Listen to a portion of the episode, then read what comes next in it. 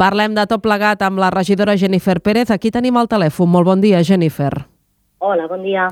Uh, uh, si et sembla, Jennifer, comencem parlant dels actes que hi ha previstos demà, 8 de març, aquí a Lloret.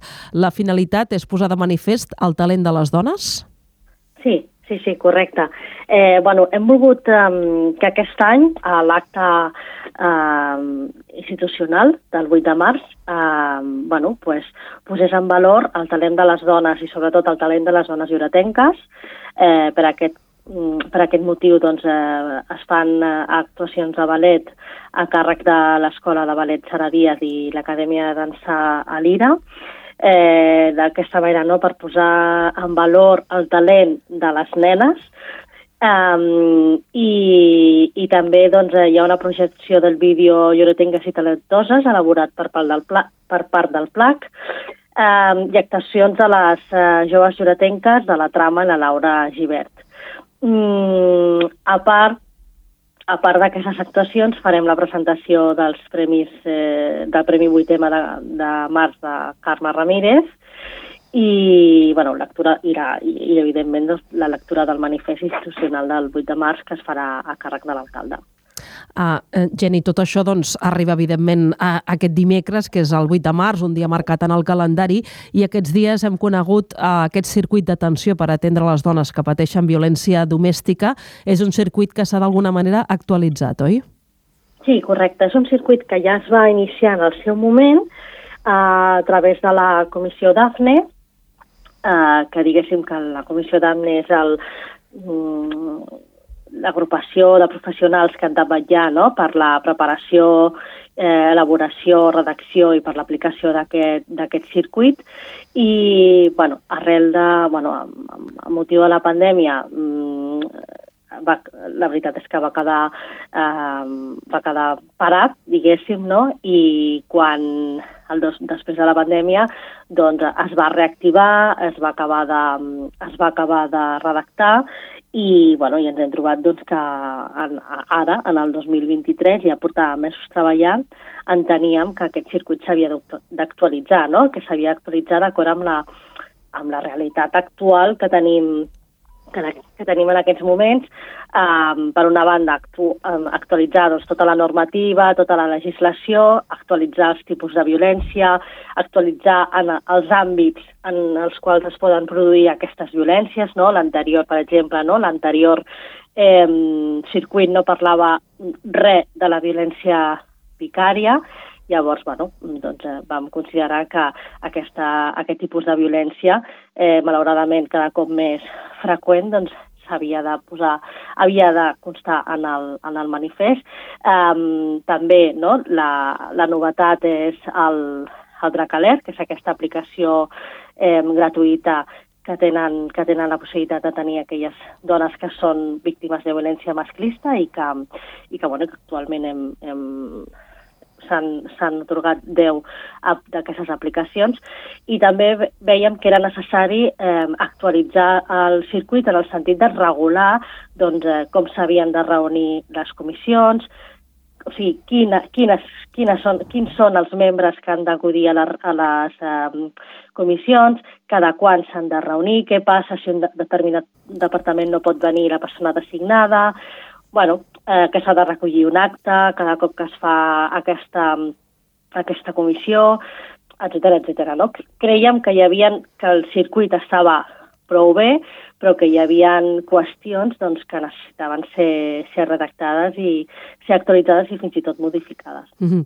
um, uh, Jenny, uh, des de la Regidoria d'Igualtat vosaltres teniu la seu a Estin, aquí hi ha diferents serveis. Recorda'ns que, quins són aquests serveis que tenen les dones de Lloret a la seva disposició?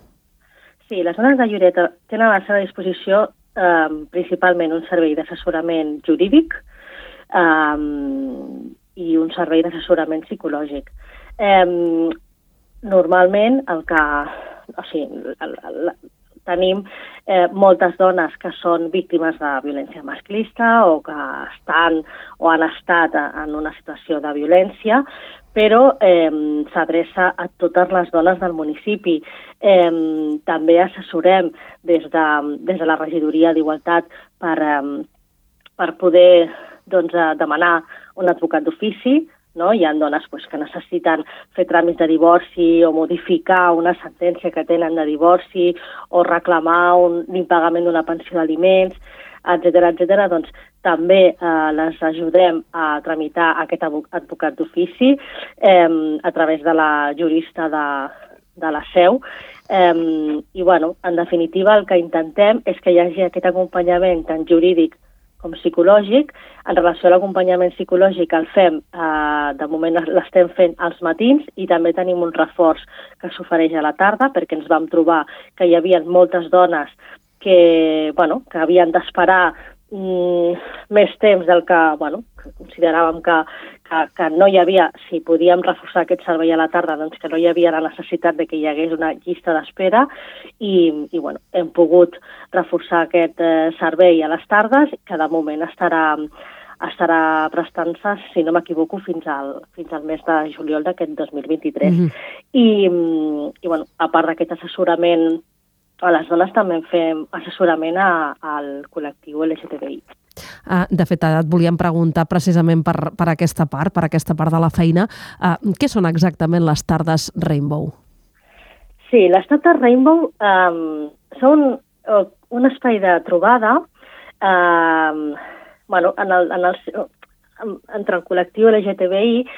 En el seu moment vam considerar que està molt bé, no?, que reivindiquem doncs, el dia contra l'homofòbia, eh, que reivindiquem el dia de l'orgull, eh, el dia de la visibilitat eh, lèsbica, etc etc, però que enteníem que realment s'havia de buscar mm, una manera de que les persones de Lloret poguéssim, eh, poguessin eh, bueno, pues, trobar-se amb, amb, bueno, amb, amb tallers, amb grups molt reduïts i poder explicar doncs, les seves experiències o les seves inquietuds. No?